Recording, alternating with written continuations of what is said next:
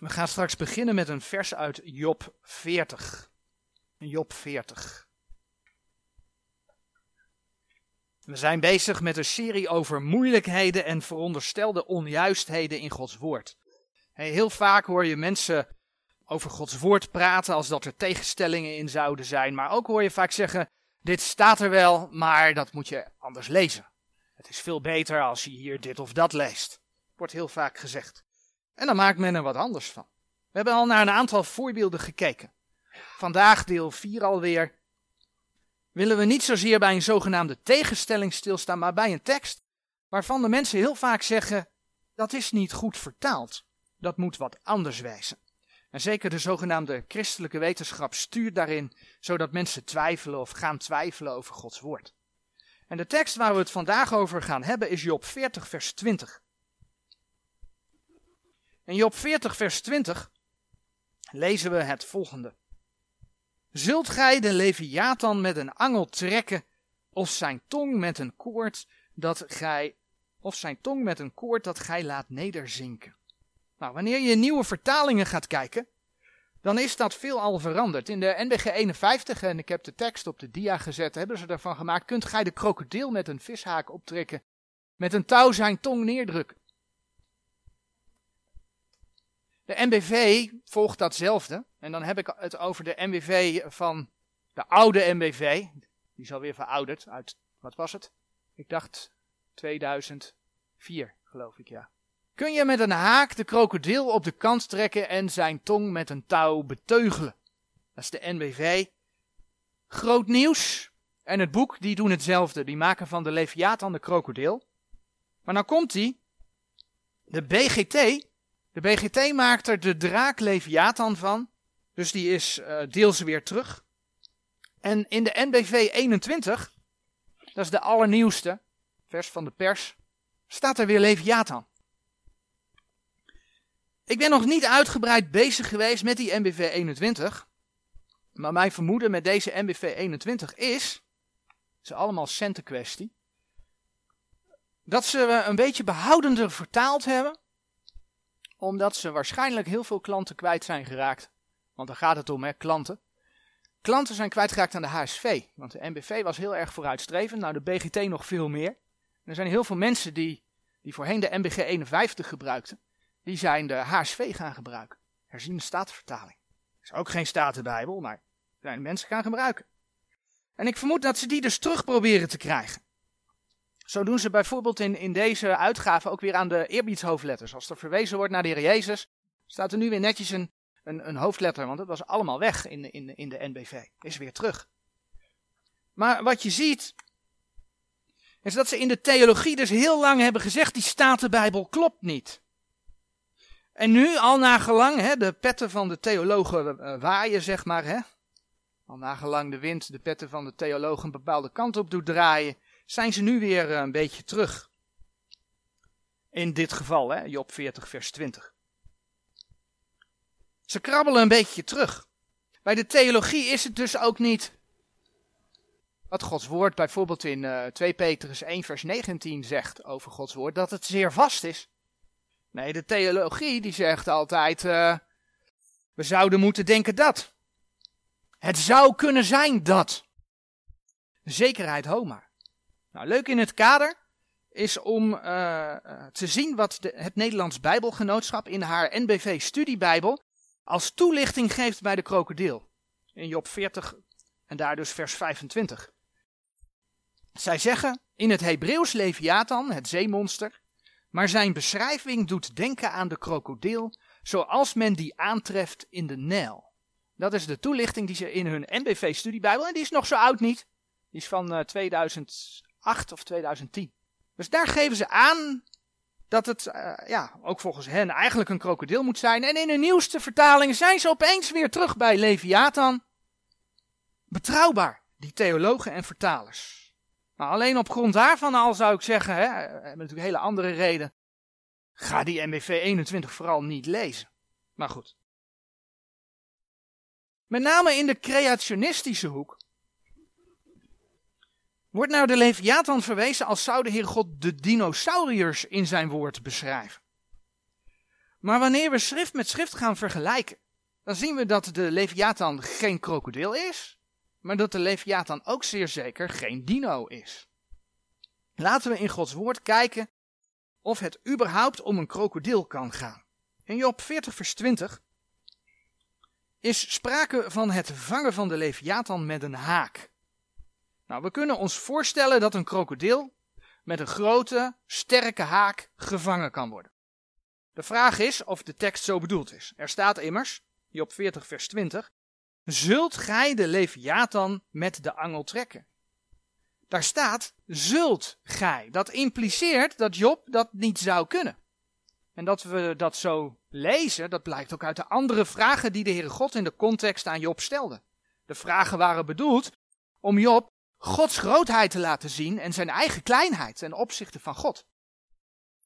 Het zijn vragen waar Job geen antwoord op kon geven. En veel vragen waar de wetenschap vandaag de dag nog steeds geen antwoord op kan geven. In Job 38 gaan we een klein stukje terug, vers 4. Daar staat bijvoorbeeld: Waar waart gij toen ik de aarde gronde? Dat zegt de Heer God dus tegen Job. Waar waart gij toen ik de aarde gronde? Geef het te kennen indien gij kloek van verstand zijt. In vers 12 van Job 38 lezen we: Hebt gij van uw dagen de morgenstond geboden? Hebt gij de dageraad zijn plaats gewezen? Of vers 16. Zijt gij gekomen tot aan de oorsprongen der zee en hebt gij in het onderste des afgronds gewandeld? Vers 28. Heeft de regen een vader of wie baart de druppelen des dauws? En vervolgens, dan gaan we naar hoofdstuk 39, lezen we in hoofdstuk 39, vers 30. Is het naar uw bevel dat de arend zich omhoog verheft en dat hij zijn nest in de hoogte maakt? Het gevolg van die vragen van de Heere God aan Job is dat Job tot inkeer komt van zijn hoogmoed. In Job 39 vanaf vers 36, daar lezen we, toen antwoordde Job de Heere, want Job wist het altijd heel goed hè. Die wist, het, die wist altijd te zeggen waarom hij niet zondigde. En zelfs ten opzichte van de Heere God. Maar Job moest tot inkeer komen van zijn hoogmoed. En dan lezen we in, in vers 36, toen antwoordde Job de Heere en zeide, zie ik ben te gering. Wat zou ik u antwoorden? Ik leg mijn hand op mijn mond. Vervolgens gaat de Heere verder. En zo komt hij dus in Job 40 vers 20 en stelt opnieuw de vraag: Zult gij de Leviathan met de angel trekken, of zijn tong met een koord dat gij laat nederzinken? Nee dus, de Leviathan is door Job niet te vangen. Job 41 vers 17 zegt dan ook: Raakt hem iemand met het zwaard, dat zal niet bestaan. Spies, schicht, nog pansier. De Leviathan is met aardse wapens niet te pakken. Dat is wat we daar lezen. Hij is met aardse wapens niet te pakken. En we hebben het over de krokodil. Maar dat geldt dus net zo goed voor de dino. Die zijn wel met aardse wapens te pakken.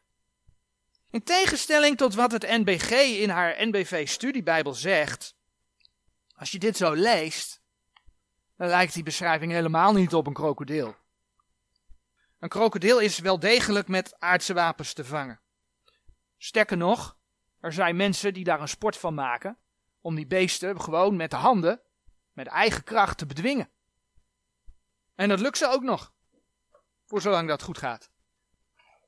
Ja, ik bedoel, als je het onderspit op een gegeven moment delft, dan. Uh, hè, maar uh, ik heb wel dingen gezien waar mensen echt met eigen kracht zo'n beest onder controle krijgen. Dus die eerste vangen. Zeker als je wapens gaat gebruiken. Het kan dus in geen geval om een krokodil gaan. De vraag is welk wezen is er niet met aardse wapens te pakken? Een wezen waarvoor, waarover bijvoorbeeld uh, Job 40, sorry Job 41 vanaf vers 9 het volgende zegt.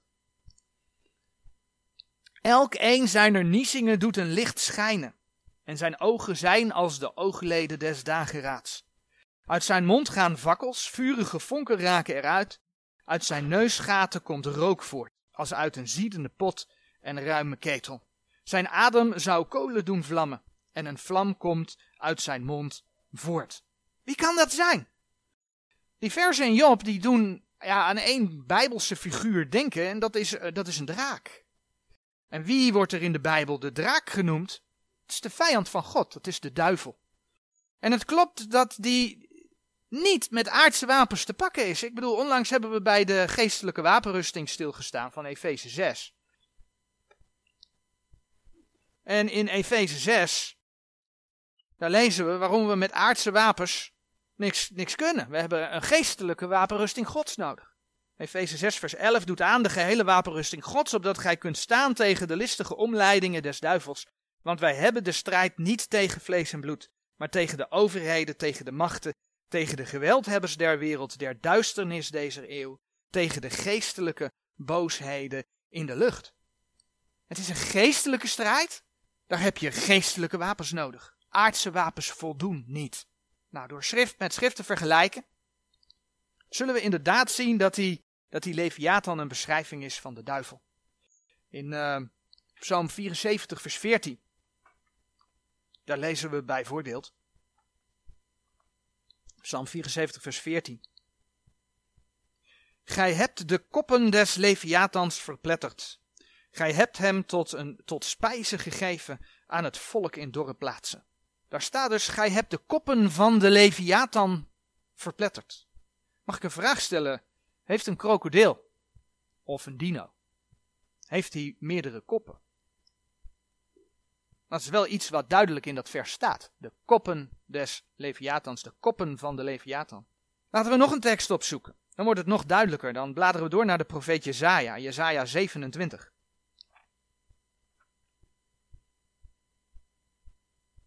Jezaja 27 vers 1. Te dien dagen zal de Heer met zijn hart en groot en sterk zwaard bezoeken den Leviathan, de langwemelende slang.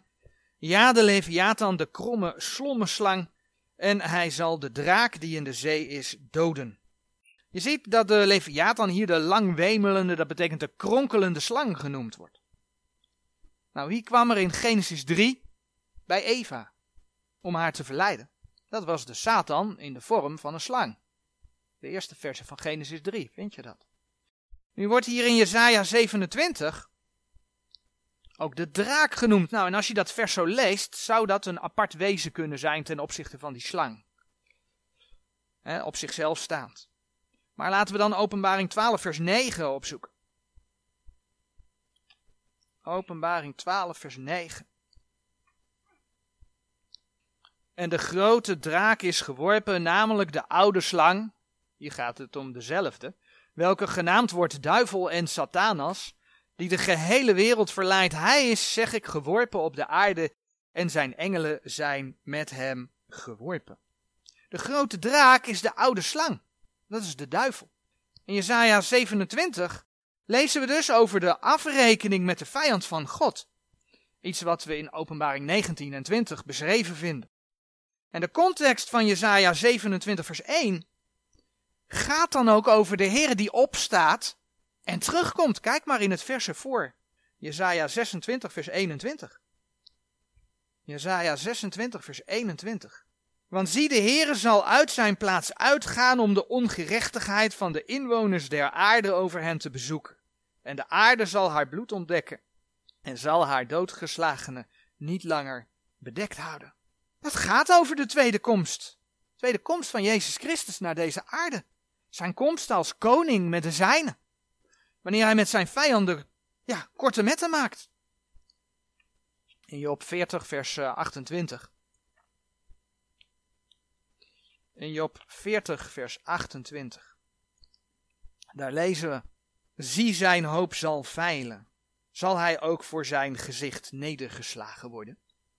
Het is een wezen zonder hoop. Want ja, hij zal nedergeslagen worden. Van de antichrist kun je dat lezen in Openbaring 19, vers 20. En van de duivel zelf kun je dat lezen in Openbaring 20, vers 10. Laat Gods woord zien, dat gaat gebeuren.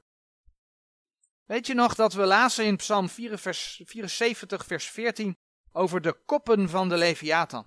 Zoek we als laatste vers Openbaring 12, vers 3 op. Openbaring 12, vers 3. En er werd een ander teken gezien in de hemel. En zie, er was een grote rode draak, hebbende zeven hoofden en tien hoornen. En op zijn hoofden zeven koninklijke hoeden.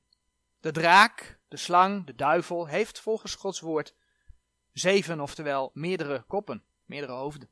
Het klopt gewoon allemaal met elkaar.